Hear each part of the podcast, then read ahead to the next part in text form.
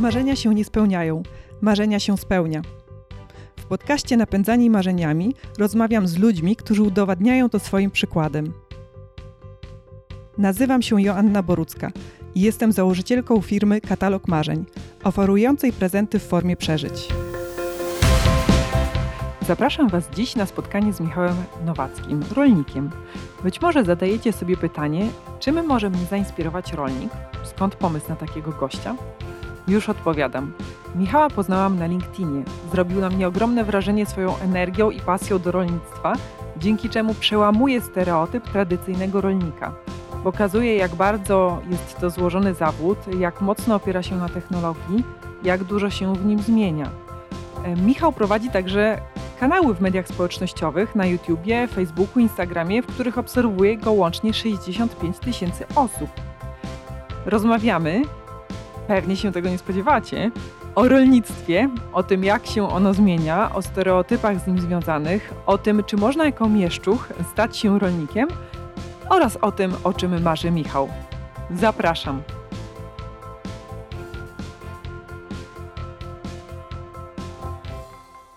Cześć Michał. Cześć. Dzięki, że przyjąłeś zaproszenie do podcastu Napędzani Marzeniami, bo to bardzo widać po tobie, że ty napędzany jesteś, czy marzeniami, czy czymś innym, może przyrodą albo e, pasją do e, rolnictwa, to zaraz opowiesz. Na start chciałam się ciebie zapytać, dlaczego nazwałeś e, swój kanał w mediach społecznościowych Rolnik Nieprofesjonalny? Dlaczego to mnie tak intryguje? Dlatego, że wyczytałam, przygotowując się do naszego spotkania, że prowadzisz wspólnie z rodzicami gospodarstwo wielkości 100 hektarów, a przygotowując się, zajrzałam Zajrzałam także do e, rocznika statystycznego GUS-u, w którym gospodarstwa rolnicze są klasyfikowane pod względem wielkości i ten największy przedział, największa kategoria gospodarstw to są gospodarstwa od, od 50 hektarów e, w górę. No i wyobrażam sobie, że prowadząc takie duże gospodarstwo, to trzeba być jednak profesjonalnym. Tak, zgadza się. Tutaj akurat z rodzicami prowadzimy ponad 100-hektarowe gospodarstwo, ale w momencie, kiedy rozpoczynałem tą swoją przygodę z social mediami, e, kiedy zakładałem blog, a następnie kanał na YouTubie, e, stwierdziłem, że pójdę troszeczkę inną drogą niż taka jest kreowana e, właśnie w tym wirtualnym świecie, czyli wszyscy szczęśliwi, wszyscy idealni, wszyscy perfekcyjni. I właśnie wymyślając nazwę stwierdziłem, że warto może troszeczkę od tego odejść I gdzieś tam zupełnie przez przypadek przyszła taka inspiracja, gdzieś tam właśnie takie hasło użytkownik profesjonalny. Mówię, to jest to, użytkownik, y, rolnik nieprofesjonalny, tak żeby troszeczkę pójść na przekór. Mhm. Czyli to nie jest takie e, w nawiasie, ono jest takie właśnie z przymrużeniem oka, tak to odczytuję. Zgadza się. E, no dobra, rolnik. Mnie to tak bardzo intryguje, czy, czy to się dziedziczy? W sensie, czy zawód rolnika się e, dziedziczy? Bo no, już powiedzieliśmy, że prowadzisz gospodarstwo wspólnie z rodzicami, czyli urodziłeś się e, na wsi. Czy to było tak, że de facto nie miałeś innego wyboru? Nie, był to taki wybór naturalny, ale moi rodzice nigdy nie przymuszali mnie do tego, żeby rolnikiem zostać. Bardzo dobrze wiedzą, że to jest ciężka praca, która wymaga wielu poświęceń e, i nigdy nie usłyszałem, ty musisz zostać na naszym gospodarstwie, to jest twoja ojcowizna, nie było czegoś takiego. Chociaż wiem, że takie przypadki się zdarzają, ale teraz już naprawdę coraz rzadziej e, i mam wśród swoich znajomych bardzo dużo osób, które wywodzą się z gospodarstwa, e, ale rolnikami nie zostają to też trzeba czuć. E, to tak naprawdę widać często już od dziecka, od małego, e, że pięcio-sześciolatek już zaczyna się tym interesować, już jakby powiedzieć idzie do tych krówek, idzie na pole, jedzie z tatą, e, robi coś ciągnikiem i gdzieś to po prostu wchodzi w krew, ale no są osoby, które po prostu tego nie czują i dużo gospodarstw po prostu zostaje bez następców. E, tutaj są sytuacje, że są to gospodarstwa 10, 50 czy nawet 300 hektarowe, bo też taki przypadek znam, że gospodarstwo 300 hektarów, które jest już naprawdę duże na nasze warunki tutaj polskie e, i zostają no bez następców, więc tutaj e, zawód rolnik w krwi, jakby to powiedzieć, nie przechodzi. Wiadomo, że te czynniki, to wychowanie na wsi w pewien sposób na te decyzje nasze wpływa, bo jakby to powiedzieć, rodzimy się w miejscu swojej przyszłej pracy po części gospodarstwo to z jednej strony dom, a z drugiej strony praca, więc tutaj, jakby to powiedzieć, to otoczenie jest y, dla nas takie naturalne, ale nie oznacza to wcale, że ktoś rodząc się na gospodarstwie tym rolnikiem musi zostać i że to będzie czuł i będzie to lubiał. Mhm. Mnie tak intryguje, czy ty znasz chociaż jeden przypadek y, w drugą stronę, taki przypadek, że człowiek nazwijmy go człowiekiem z miasta, ktoś, kto nie ma korzeni e, rolniczych, korzeni na wsi, został rolnikiem? Znam kilka takich przypadków. Wow. Mhm. Kilka osób, które poznałem właśnie przez e, prowadzenie tych swoich kanałów w social mediach, ale też po prostu z takiego normalnego życia. Wiadomo, że mm, nie są to takie typowe gospodarstwa, nazwijmy to, e, i zajmują się głównie produkcją roślinną, ale znam kilka osób, które właśnie gdzieś, mm, jakby to powiedzieć, w swoim życiu złapały taką zajawkę i stwierdziły, ok, to jest fajne, to chcę robić. E, Tylko Tutaj też nie ma co ukrywać, że y, gro tych osób po prostu prowadzi życie zawodowe jedno gdzieś w jakiejś pracy na etacie, bądź e, jest e, jakimś przedstawicielem, prowadzi swoją firmę, a gospodarstwo jest taką drugą częścią. Tylko niektóre gospodarstwa są, jakby to powiedzieć, w tej formie, które były przy zakupie, czyli na przykład 10 hektarów, a niektórzy właśnie idą w tą drugą stronę, czyli te gospodarstwa rozwijają, rozwijają, rozwijają, e, z takim celem, żeby właśnie to gospodarstwo stało się numerem jeden. E, ale nie ma co ukrywać, że dzisiaj, e, żeby zostać rolnikiem tak sobie, to jest naprawdę ciężko. Tutaj nie ma co ukrywać, że tego kapitału naprawdę potrzeba bardzo dużo, bo chociażby no sama ziemia, która kosztuje w skrajnych przypadkach 90-100 tysięcy, to już jest taki próg, który mm, jest dla wielu osób po prostu ciężki do przeskoczenia. A też nie ma co ukrywać, że na jednym hektarze no to jest ciężko, żeby coś tam e, sensownego robić. Poruszyłeś strasznie dużo wątków, o, o które chciałabym e, zahaczyć i na pewno będę o nie pytać, ale bo mówisz, że te osoby właśnie z miasta nie prowadzą typowego e, gospodarstwa. No, masz na myśli, że to są gospodarstwa bardziej eko, bo e, czy właśnie... Nie, bardziej, Mhm. bardziej po prostu takie, które mm, ukierunkowane są tylko i wyłącznie na wąską specjalizację. Mhm. Często nawet nie mają e, budynków, nie mają takiego zaplecza, jakby to powiedzieć, e, gospodarczego i wynajmują tylko i wyłącznie usługi. E, takie typowe gospodarstwo, w cudzysłowie, to właśnie jest gdzieś takie siedlisko, są budynki, jakiś garaż, wiadomo, dom, e, a te osoby po prostu najmują usługi, mają tylko i wyłącznie narzędzie pracy, a nie mają takiego narzędzia, no jakby to powiedzieć, stałej swojej siedziby. Mhm, mhm. Okej. E, Czyli taka firma, która outsourcuje różne obszary działalności, a, a nie, mm, nie prowadzi wszystkiego e, samodzielnie. No dobra, to e, właśnie a propos firmy, bo ja tak sobie wyobrażam, że gospodarstwo 100-hektarowe, to ja może będę zgadywać teraz. E, ile potrzeba e, ludzi do tego, żeby je prowadzić, a ty będziesz mówił, czy, czy jestem blisko, czy nie. Mm, Wyobrażam sobie, że ta liczba ludzi jest inna oczywiście w lato, jak i, jak i w zimie, ale w tak w szczycie to, że co, na, po, na polu musi pracować, na polu mm, przy zwierzętach, Czekam. no właśnie, właśnie zastanawiam się, 15 osób? Nie. No, za dużo, za mało? E, pracuję ja, moi rodzice e, i mamy jeszcze pomocnika, czyli tak naprawdę pracują cztery osoby. E, I są to te cztery osoby, które pracują praktycznie przez cały rok, e, niezależnie tutaj od pory, czy to lato, czy to zima. I tak naprawdę ilość pracowników zależy od tego, jakie prowadzimy gospodarstwo. Jeżeli będziemy mieli gospodarstwo, które jest nastawione na, na produkcję zbóż, rzepaku, e, tak naprawdę tam nie potrzeba dużej ilości ludzi. E, Zbiór wykonywany jest przede wszystkim e, mechanicznie. Mm, Tak naprawdę wystarczy w skrajnych przypadkach, że obsługiwały będą te pola dwie osoby. Wiadomo, że tutaj im więcej hektarów, e, tym jakby to powiedzieć, pracy jest więcej. E, Ale w przypadku, kiedy prowadzimy gospodarstwa sadownicze, warzywnicze, e, tam, jakby to powiedzieć, ta produkcja jest zupełnie inna. Bardzo dużo pracy, mimo wszystko, jeszcze na dzień dzisiejszy, na, na dzisiaj, Mhm, na, mhm. dzisiaj na dzisiaj jest e, ręczna i tych pracowników jest tam potrzeba po prostu więcej. Mhm. No dobra, ale u ciebie no to tak, trzeba pole zaorać, nie wiem, e, nawieść, może kilkukrotnie, posadzić rośliny, opryskać, e, zebrać te plony, potem jakoś przygotować, no znowu zaorać, tak, bo 100 hektarów, e, no to jest właśnie duży areał. I to wszystko kurczę cztery osoby. No, jestem pod wrażeniem. Em, domyślam się, że cztery osoby, ale pracujące długo, czyli pewnie wstające o. Bardzo różnie, Okej. ale no tutaj mówię, jeśli chodzi o gospodarstwa, bardzo dużo teraz już po prostu pracy wykonują maszyny. E, I tak naprawdę człowiek staje się operatorem, człowiek staje się zarządcą, ale niekoniecznie musi po prostu tą pracę wykonywać fizycznie. Kiedyś tych osób było potrzeba o wiele, wiele więcej. E, ja chociażby z opowieści mojego dziadka e, wiem, jak to wyglądało kilkadziesiąt lat temu, gdzie na sześciu hektarach naprawdę musiało pracować 20 osób, bo pracował tylko i wyłącznie koń, był tylko i wyłącznie jakiś wóz, samopowiązałka już w latach późniejszych. E, i tej pracy ręcznej było naprawdę od groma. W tym momencie wjeżdża kombajn i 6 hektarów to jest dwie godzinki, tak naprawdę żniwa są zakończone, e, więc tutaj ten czas jest o wiele, e, wiele krótszy. A jeśli chodzi o porę wstawania, tak naprawdę tutaj to jest zależne od pory roku.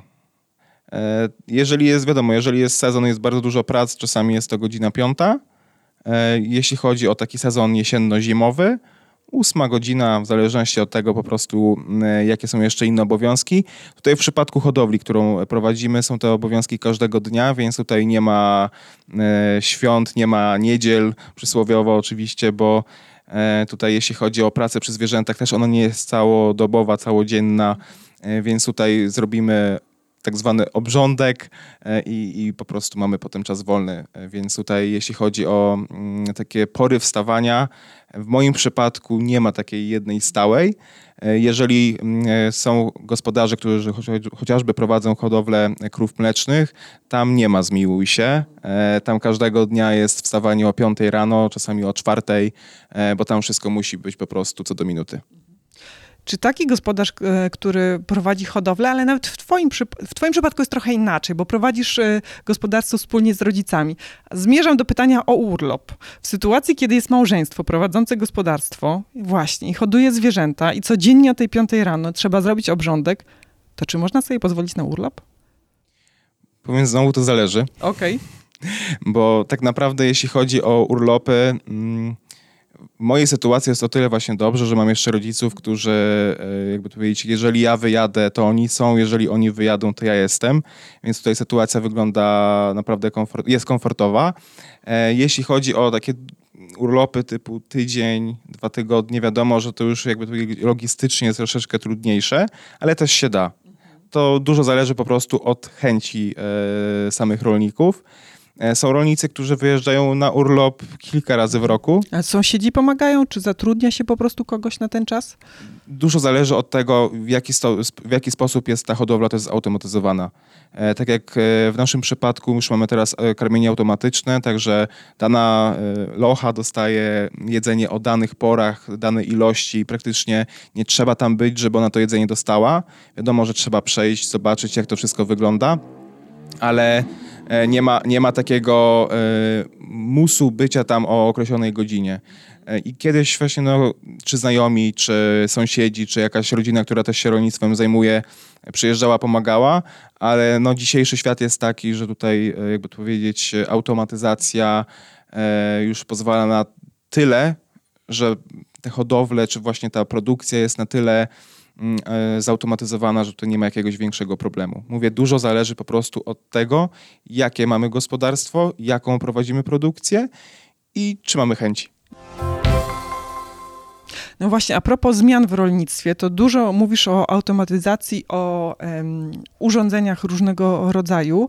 Um, czy, czy y, co, co, co takiego w ostatnim czasie cię najbardziej zafascynowało? Ja, ja na przykład zadaję sobie pytanie, czy czy działają już takie maszyny trochę jak e, odkurzacze w domu, że sobie włączasz odkurzacz i on tam jeździ e, po twoim domu i, i, samodzielnie odkurza, to czy są takie maszyny, które włączasz i one po tym polu jeżdżą i nie wiem, nawożą, czy ścinają, w sensie, że nie musisz e, tej maszyny prowadzić? Na polu pojawiają się maszyny automatyczne, jeszcze nie na szeroką skalę, jakby to powiedzieć, w polu może zadziać się naprawdę bardzo dużo różnych rzeczy. E, których nie da się przewidzieć, ale chociażby w hodowlach są już takie maszyny, które podobnie jak odkurzacz puścisz i posprzątają twoją oborę, więc e, takie wow. rzeczy już są. Mm, ale jeśli chodzi o zmiany w rolnictwie, jest ich naprawdę bardzo dużo. I tutaj patrząc na rolnictwo, jest to taka gałąź e, gospodarki, która wydaje mi się, że pod względem technologii ona będzie rozwijała się jeszcze bardzo dynamicznie. Ja troszeczkę to porównuję do medycyny gdzie jeszcze można zrobić naprawdę takie kroki milowe, które, technologie, które zrewolucjonizują troszeczkę jeszcze tą produkcję. E, tą działalność. E, a jeśli chodzi o zmiany, e, mówię, tak jak już chociażby wspomniałem tutaj o dziadku, kiedyś pracowano w konia i, i ta praca polegała głównie na pracy ręcznej. Teraz praktycznie wszystko na polu jest zmechanizowane i mamy takie systemy, które pozwalają nam nawozić za pomocą sygnału GPS z dokładnością do 2 cm.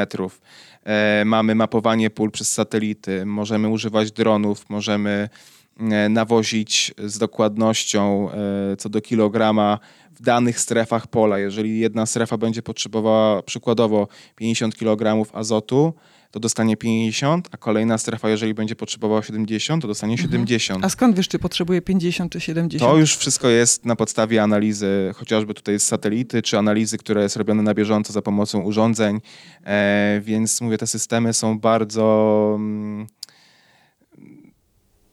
Zaawansowane. Bardzo tak, zaawansowane, tak. Mhm.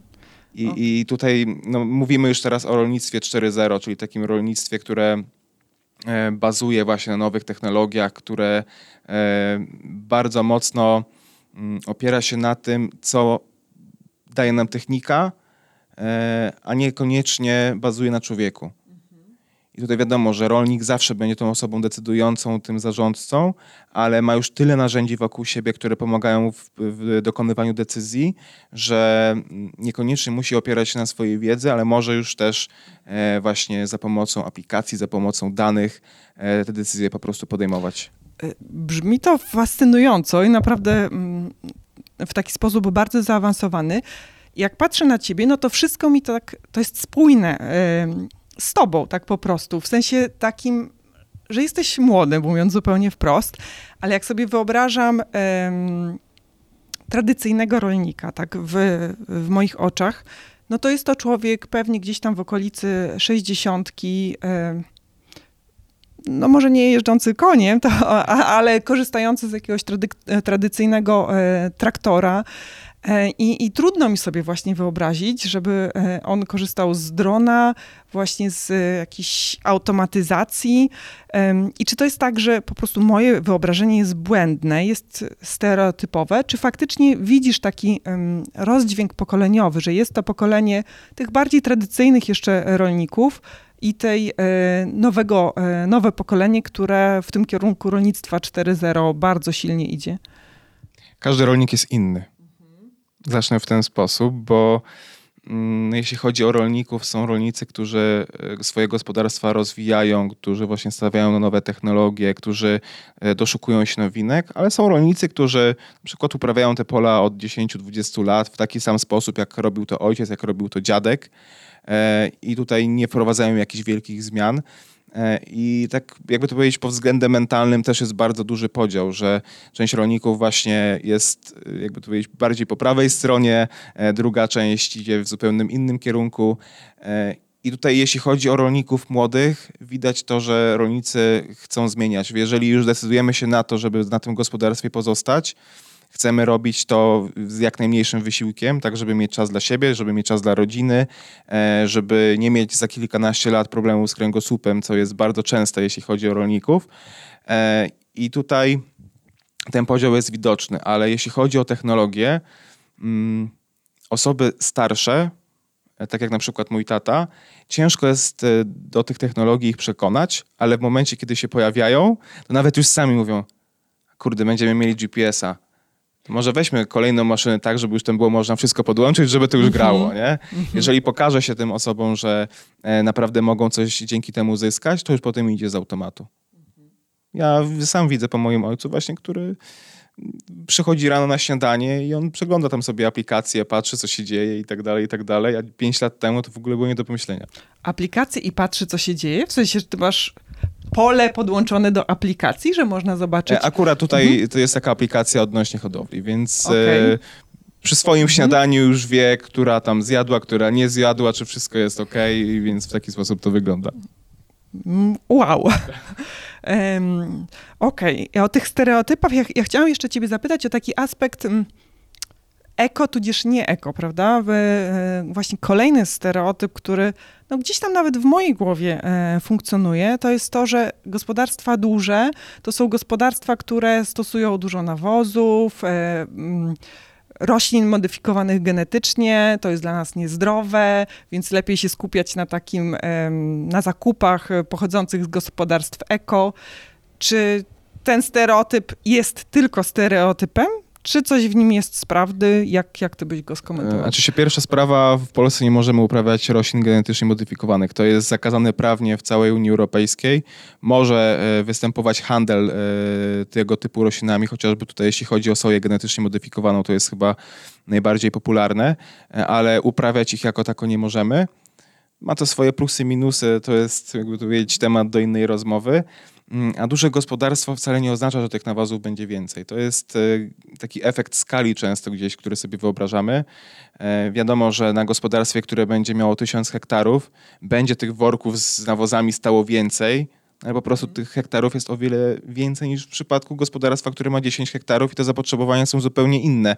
Są też gospodarstwa ekologiczne, które mają 50, 100, 200 hektarów. Już tutaj nie chcę wymieniać reklamować, ale e, jedna z takich farm jest e, często gdzieś tam właśnie reklamowana też w mediach. Więc e, nie ma czegoś takiego, że duże gospodarstwo to gospodarstwo, które używa więcej chemii. My, porównując się do krajów europejskich e, pod względem zużywania środków ochrony roślin, naprawdę wypadamy bardzo dobrze. W Polsce używa się około 2,5 kg substancji czynnych na hektar. Wiem, że to strasznie brzmi substancja czynna, e, ale w porównaniu do średniej europejskiej, która wynosi 3,5, to już mamy przeskok a w porównaniu do krajów y, Europy Zachodniej, gdzie używa się 6 kg, 7, 8, tak naprawdę tą normę mamy dwu, trzykrotnie mniejszą. Więc tutaj jeśli chodzi o polskie rolnictwo, ono w dużej mierze mogłoby być zeekologizowane bez jakichś większych nakładów te małe gospodarstwa, gospodarstwa, które zajmują się hodowlą krów mlecznych, taką ekstensywną, tam nie potrzeba by wcale dużo, żeby w tą ekologię wejść. I ja tutaj, e, jeśli chodzi o gospodarstwo mm, i w ogóle gospodarzenie, o rolnictwo, jestem jak najbardziej za taką metodą gospodarzenia zrównoważonego czyli nie osiągania wyników, które są maksymalne, które e, gdzieś tam będą do pochwalenia się, ale do takich e, planów, do takiego mm, gospodarzenia, które będzie pozwalało na ochronę środowiska, będzie pozwalało mi godnie żyć, ale z drugiej strony nie będę musiał, nie wiem, robić jakiegoś wielkiego nakładu, żeby zdobyć tą kolejną tonę więcej.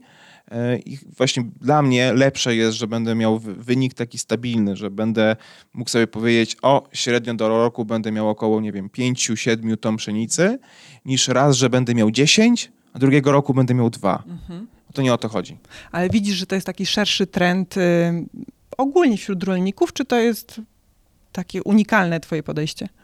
Nie. Y, mówię, jeśli chodzi o, o rolnictwo, Tutaj to rolnictwo zrównoważone jest coraz bardziej takie powszechne i coraz więcej osób po prostu zdaje sobie z tego sprawę, że no nie jesteśmy jedyni na tej planecie i mm, e, musimy patrzeć też e, troszeczkę szerzej.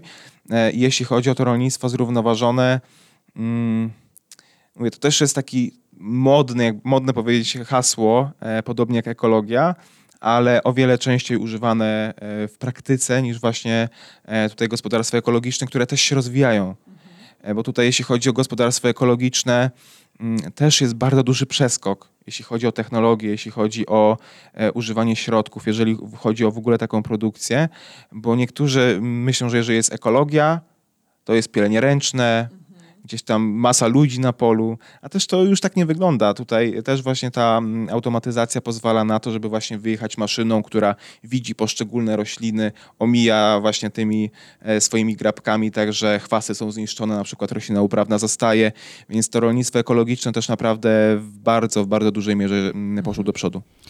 Tak, chyba na LinkedInie, do którego zaraz e, nawiążemy, e, widziałam taką maszynę, która wiązką laseru bodajże niszczy właśnie dokładnie e, chwast, że potrafi rozpoznać, co jest rośliną, która powinna rosnąć na tym polu, a co jest chwastem i, i niszczy no, bez używania żadnych środków chemicznych e, ten chwast. Także faktycznie e, te technologie no, po prostu w sposób niewyobrażalny idą do przodu. Tak, no tutaj Mówię, mhm. dużo ludzi po prostu nie ma pojęcia o tym, jak zmieniła się wieś i jak zmieniło się rolnictwo. No właśnie, i dlatego rozmawiamy, bo tak. E, więc bardzo fajnie, że e, mam nadzieję, że do jak najszerszego grona właśnie dotrze ta wiedza. Zanim do tego LinkedIna i do mediów społecznościowych, to jeszcze chciałam się ciebie zapytać o taki aspekt e, biznesowy, jak strategia rozwoju. Czy ty masz coś takiego jak strategia dla, dla swojego gospodarstwa? Czy wiesz, czym chcesz się wyróżnić? E, czy to w ogóle jest możliwe tak naprawdę? E, powiem w ten sposób, że ja, jeśli chodzi o moje życie, nie mam jakiegoś takiego planu, że nie wiem, będę miał trzydziestkę, musi być zrobione to i to. Mam po prostu taki wyznacznik, że chcę, żeby moje gospodarstwo było w jak największej mierze samowystarczalne e, i żeby dostarczać ludziom coś, czego jeszcze na rynku nie ma. Nie chcę do końca zdradzić co, bo to jest akurat w przygotowaniu, mm, ale nie chcę, żeby to było takie gospodarstwo tradycyjne w 100%. Czyli masz strategię.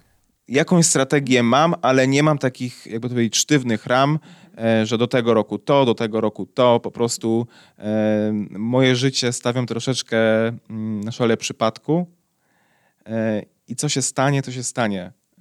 Po prostu wykorzystuję szansę. Kiedyś mm, bardzo dużo przemyślałem. Jeżeli wpadł mi do głowy pomysł, to przez następne trzy dni myślałem o tym, czy to jest dobre, czy niedobre, czy to się y, da zrobić, czy nie da, czy to wypali. E, teraz, jeżeli wpadnie mi pomysł, po prostu robię. Mhm. Tak, so, mhm. tak, sobie przyjąłem słowa mojego znajomego. E, wiem, że to może troszeczkę dziwnie zabrzmi, ale on powiedział coś takiego, że głupi na 10 pomysłów zrealizuje 10, bo nie będzie o nich myślał. Mhm. I któryś mu się uda.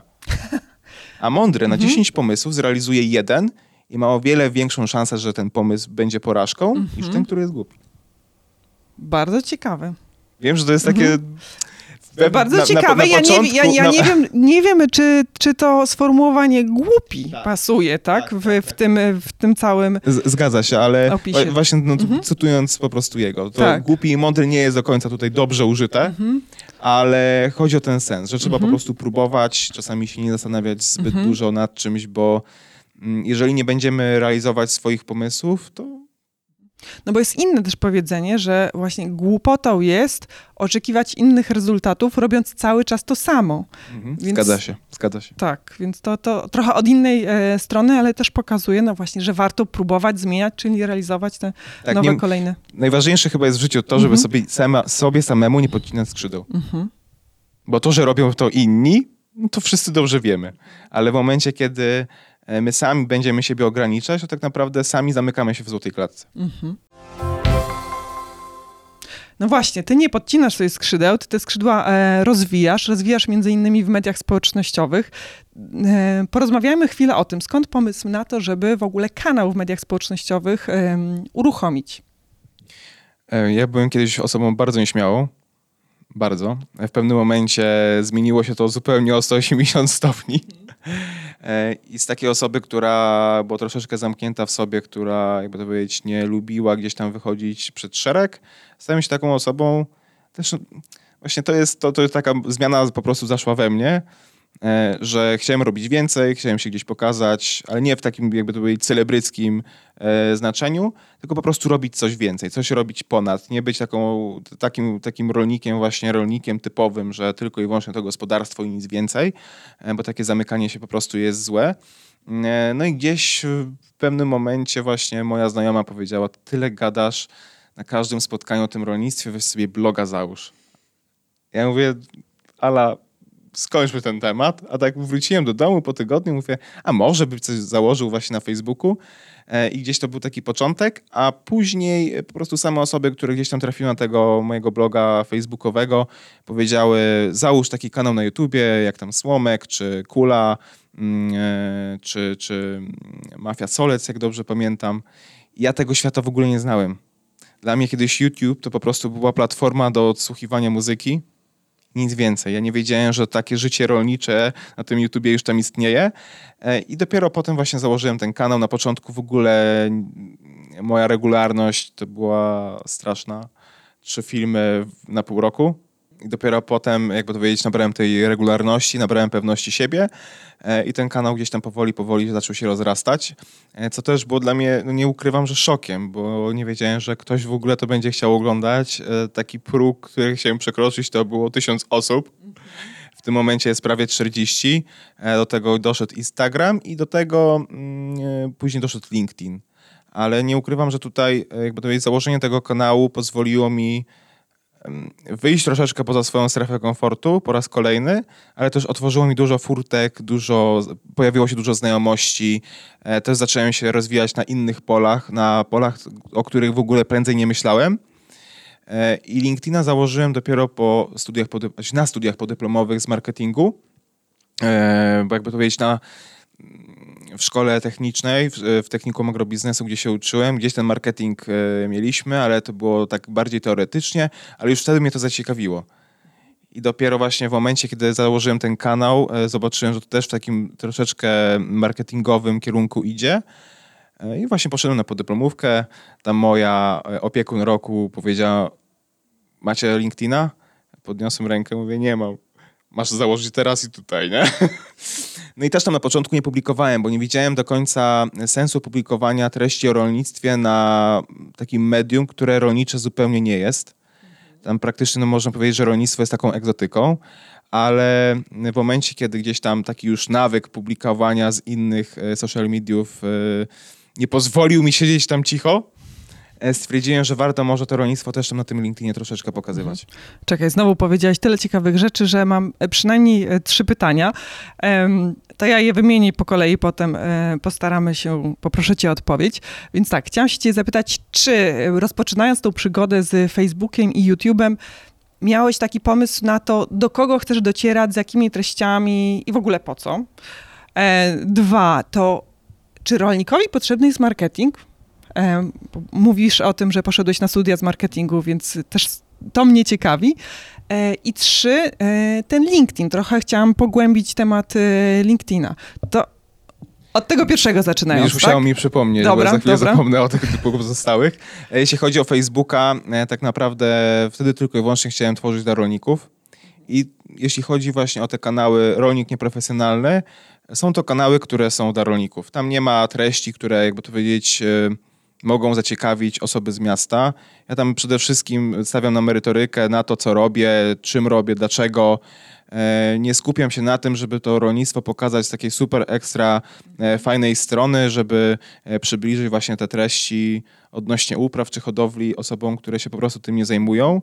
Bardziej zależy mi na tym, żeby wymieniać doświadczenia między mną a moimi widzami bo też takiej informacji zwrotnej często oczekuję, nawet też się czasami podpytuję, co oni robią, w jaki sposób, e, jak coś rozwiązać. Jeśli chodzi o LinkedIna, już tutaj jest zupełnie inne podejście. Tam, jak wspomniałem, rolników nie ma.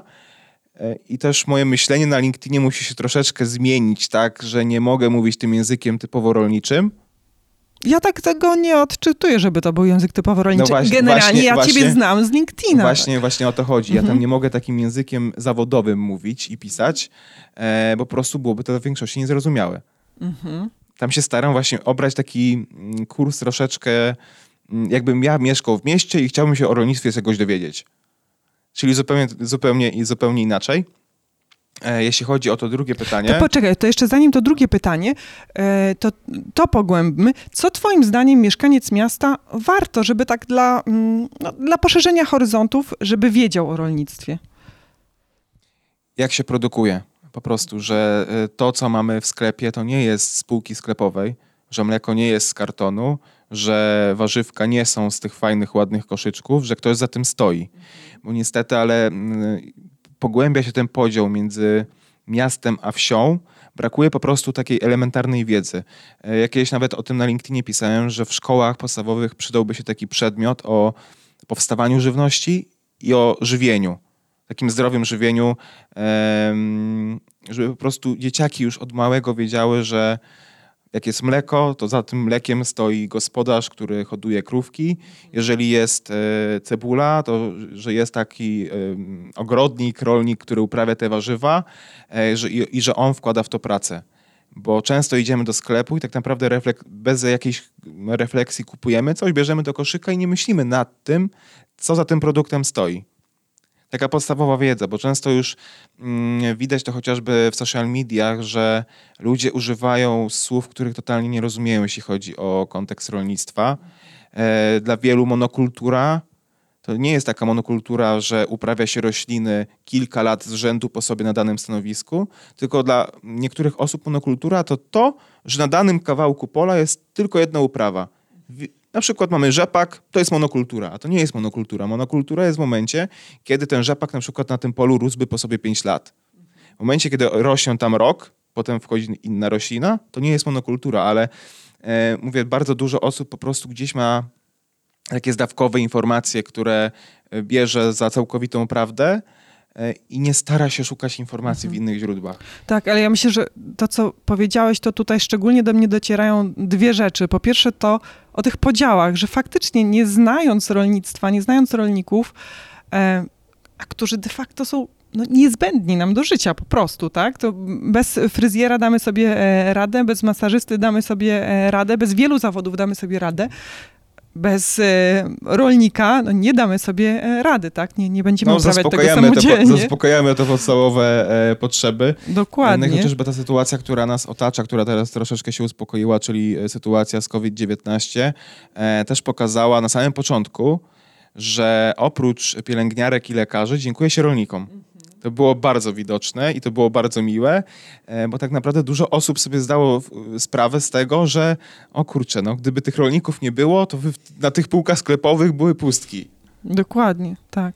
I to jest ta pierwsza rzecz, a druga to jest ta podstawowa wiedza no, o tym, skąd y, pochodzi to jedzenie na półkach sklepowych. Faktycznie myślę, że dzieci, które urodziły się w Warszawie, nie mają dziadków na wsi, nie mają rodziny na wsi, kurczę, skąd one mają e, wiedzieć w ogóle, skąd ta kasza się wzięła w pudełku i czy ta kasza to, ja nie wiem, czy ją się jakoś z podziemi e, wyciąga, prawda, czy ona rośnie na jakiejś roślinie, czy może to jest jakieś drzewo i tam coś tam w strączkach.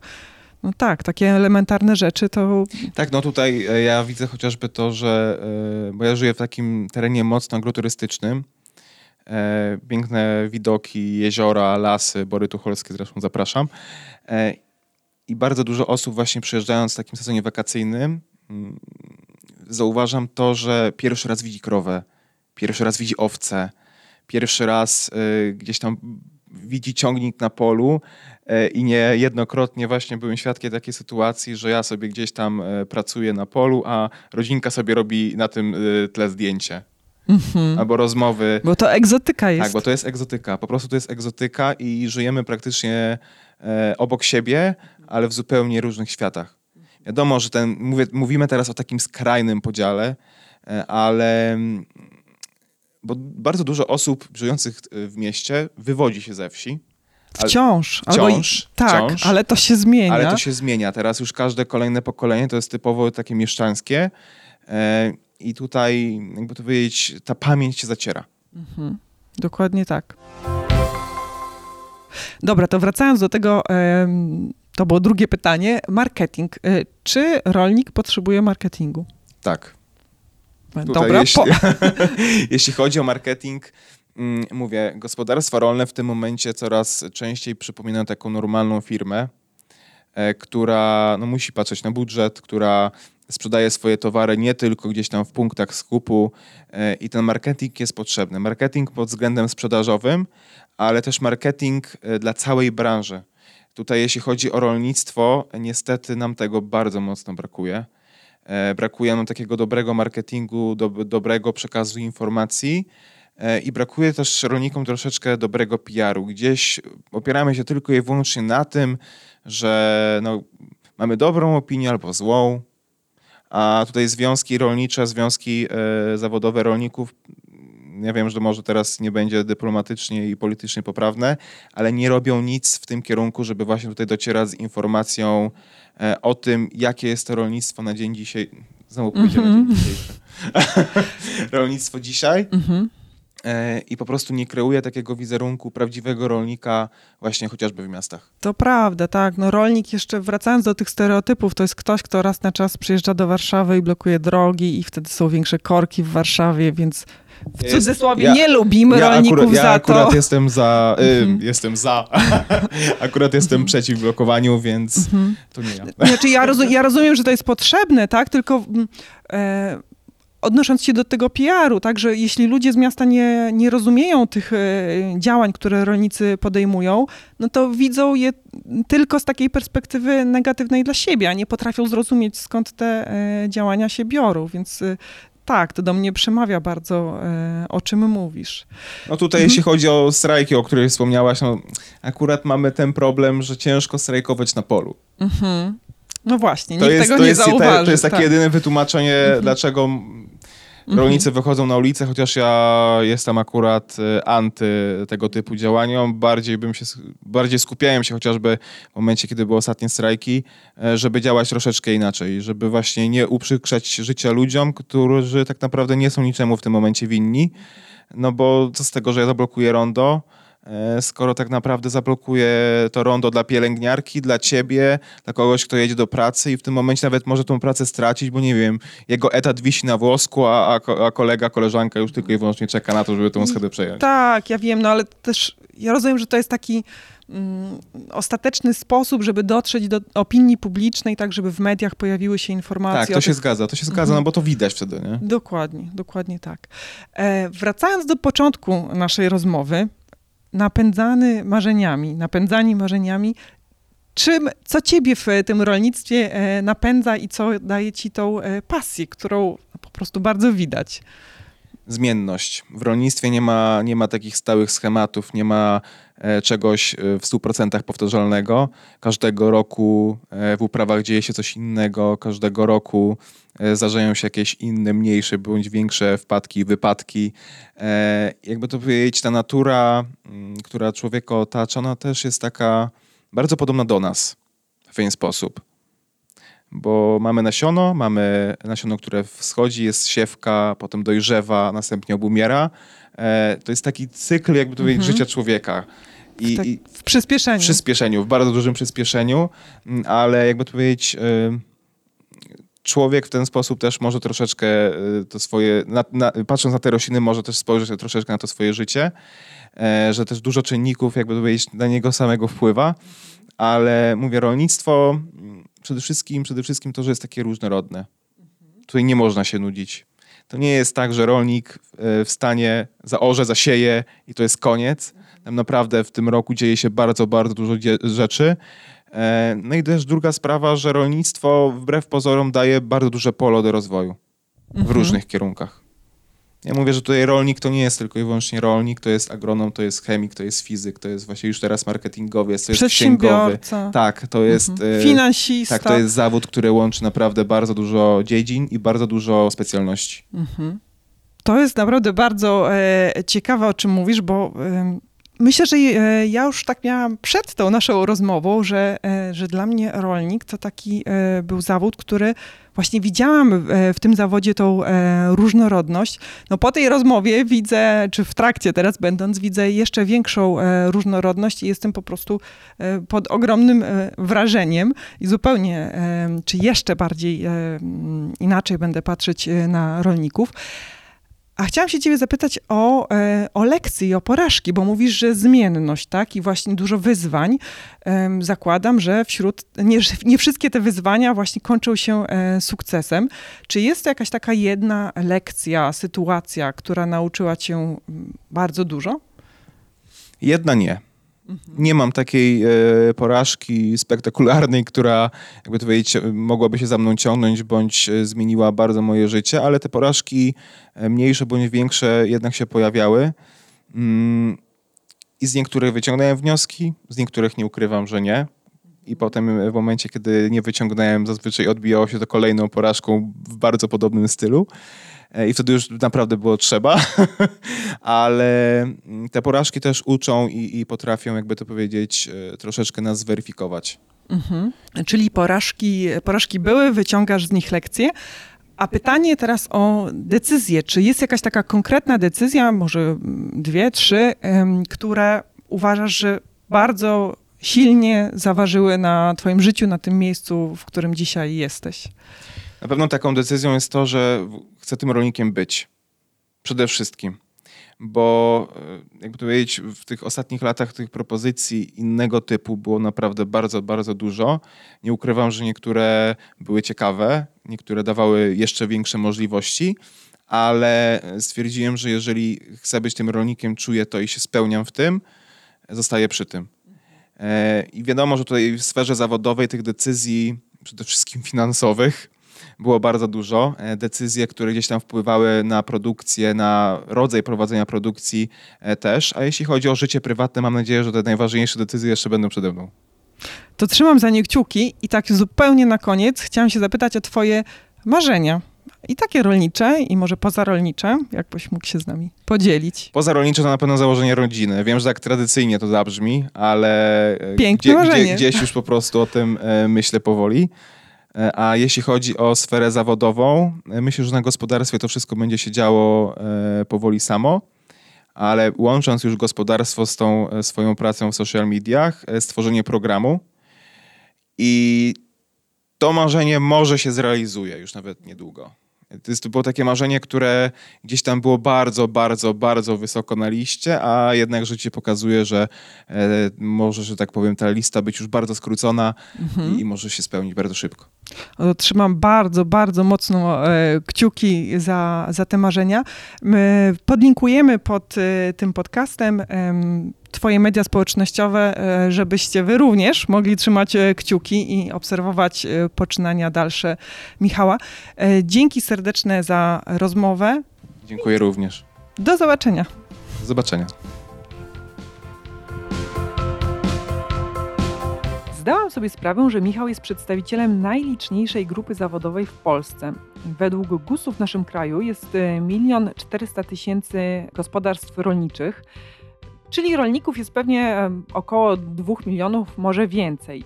Jednocześnie coraz mniej osób, które mieszkają w mieście, ma rodzinę na wsi. W ogóle już cała nasza rodzina jest e, z miasta, albo mamy na wsi e, daleką rodzinę, z którą nie utrzymujemy bliskich kontaktów.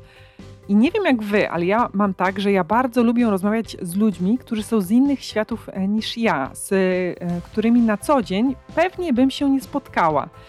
Dlaczego? Dlatego, że takie spotkania bardzo poszerzają moje horyzonty i pozwalają lepiej zrozumieć innych świat i ludzi. W szczególności, e, kiedy rozmawiamy z ludźmi, których praca jest dla nas tak istotna, jak to jest właśnie w przypadku rolnictwa, bo tak jak mówiłam w rozmowie, potrafię sobie wyobrazić e, świat bez pewnych zawodów, ale bez zawodu rolnika nie.